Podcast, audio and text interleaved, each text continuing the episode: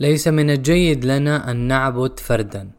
هكذا استهل الكاتب والمؤرخ راما تشاندرا جوها مقاله المهم في العدد الأخير من دورية Foreign Policy بعنوان عبادة مودي كيف قام رئيس وزراء الهند بتفكيك أكبر تجربة ديمقراطية في العالم. ترجمه الأستاذ حسن قطامش.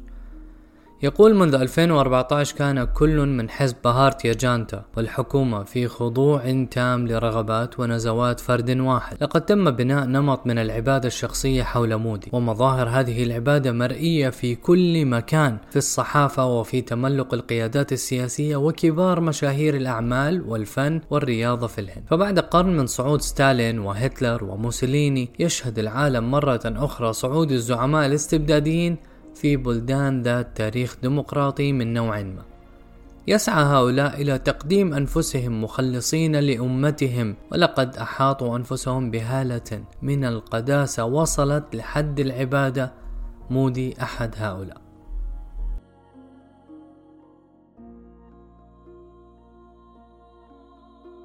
ويقول الكاتب مودي هو الهند والهند هي مودي. هذا هو الاعتقاد السائد للجميع في حزب بهارتيا جاناتا. الحاكم في الهند سواء كان وزيرا أو عضوا في البرلمان أو عاملا متواضعا في الحزب الصحف في نيودلهي مليئة بالمقالات التي كتبها وزراء الحكومة وتضج بالتملق لرئيس الوزراء يضيف الكاتب قال وزير الشؤون الخارجية الهندي خلال لقاء في واشنطن إن حقيقة أن رأي الهند مهم وأن وجهة نظرها مقدرة وأن لدينا التأثير البالغ في القضايا الكبرى في هذا العالم كل هذا بسبب مودي. فبدلا من أن تنسب إنجازات الهند للدولة نسبت إلى رجل واحد فقط وهو مودي. في فبراير 2021 انضم مودي إلى صفوف ستالين وهتلر والقذافي في تسمية ملعب رياضي باسمه وهو ما يزال على قيد الحياة وفي منصبه. ملعب لكريكت في مدينة أحمد أباد الذي سمي سابقا باسم الهندي القومي العظيم فالاباي باتيل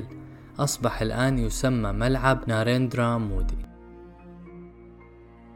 وعندما تلقى المواطنون الهنود أول لقاحات كوفيد 19 تم منحهم شهادات تطعيم عليها صورة مودي. ومع تقديم جرعات ثانية ومعززة من اللقاح للمواطنين كانت الشهادات تحمل أيضا أو تحمل أيضا صورة رئيس الوزراء مودي. إن أي شخص ديمقراطي سوف يشعر بالفزع بسبب عروض مودي الغير عادية للنرجسية وعبادة الذات. مع تنامي القومية الهندوسية المتطرفة في السياسة والمجتمع الهندي ينظر إلى مودي باعتباره المخلص العظيم للهندوس والهندوسية وكثيرا ما يسخر مودي من حكام الهند السابقين سواء كانوا مسلمين أو بريطانيين وأنه قد خلص البلاد من آلاف السنين من العبودية. يقول المؤرخ يمتلك مودي تحت قيادته آلة ضخمة مؤيدة لعبادته مدعومة بالموارد المالية لحزبه وحكومته وبالتالي فهو قادر على استخدام الموارد العامة لتلميع عبادة شخصيته على نطاق أوسع وبفاعلية أكبر بكثير من المستبدين في أماكن أخرى. حتى بوتين لم يحصل على مثل هذا أدت عبادة مودي إلى إضعاف إن لم يكن نزع خمسة مؤسسات كبرى في الهند مهمتها بالأساس محاسبة السلطة الجامحة ومنع شخصنة السلطة السياسية ونمو الاستبداد أول هذه المؤسسات هو الحزب السياسي.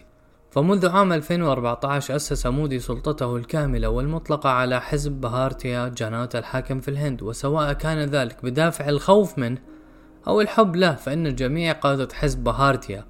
قد أذعنوا له بالطاعة المطلقة.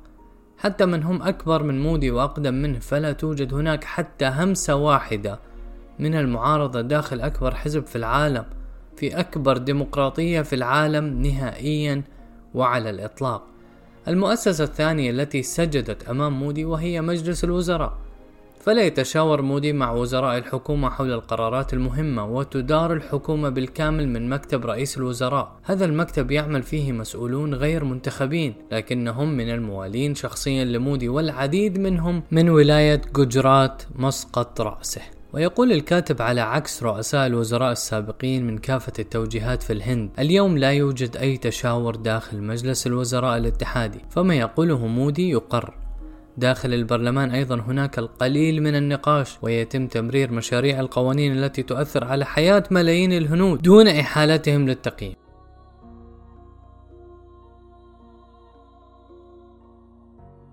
أما السلطة الثالثة التي سيطر عليها مودي فهي الصحافة. فقد تراجعت بسرعة منذ توليه الحكم وأصبحت غير مستقلة وانصاعت طواعية لخدمة عبادة مودي. ولأكثر من ثماني سنوات كرئيس للوزراء لم يعقد مودي مؤتمرا صحفيا واحدا يتضمن أسئلة من وسائل الإعلام بل مقابلات مع صحفيين مؤيدين له. ولأن معظم وكالات الأخبار والقنوات التلفزيونية الرائدة في البلاد مملوكة لرجال أعمال لديهم مصالح تجارية أخرى فقد سارعوا بالانضمام لخط مودي خشية منعهم من الحصول على مشروعات جديدة لأعمالهم. وتثني القنوات الإخبارية في أوقات الذروة بحماس على رئيس الوزراء وتهاجم المعارضة بلا هواد. في الإعلام الهندي الآن يوجد مصطلح جديد يسمى جودي ميديا ويقصد به وسائل الإعلام التي تأخذ تعليماتها من خط حكومة مودي وتنفذه. وقد سجن العديد من الصحفيين ذوي التفكير المستقل بتهمة زائفة تتعلق بعملهم والبعض الآخر فرضت عليه السلطات ضرائب مجحفة. المؤسسة الرئيسية الرابعة التي أصبحت أقل استقلالية منذ حكم مودي هي النظام البيروقراطي أو الحكم المحلي التي أصبحت مسيسة بشكل مضطرد.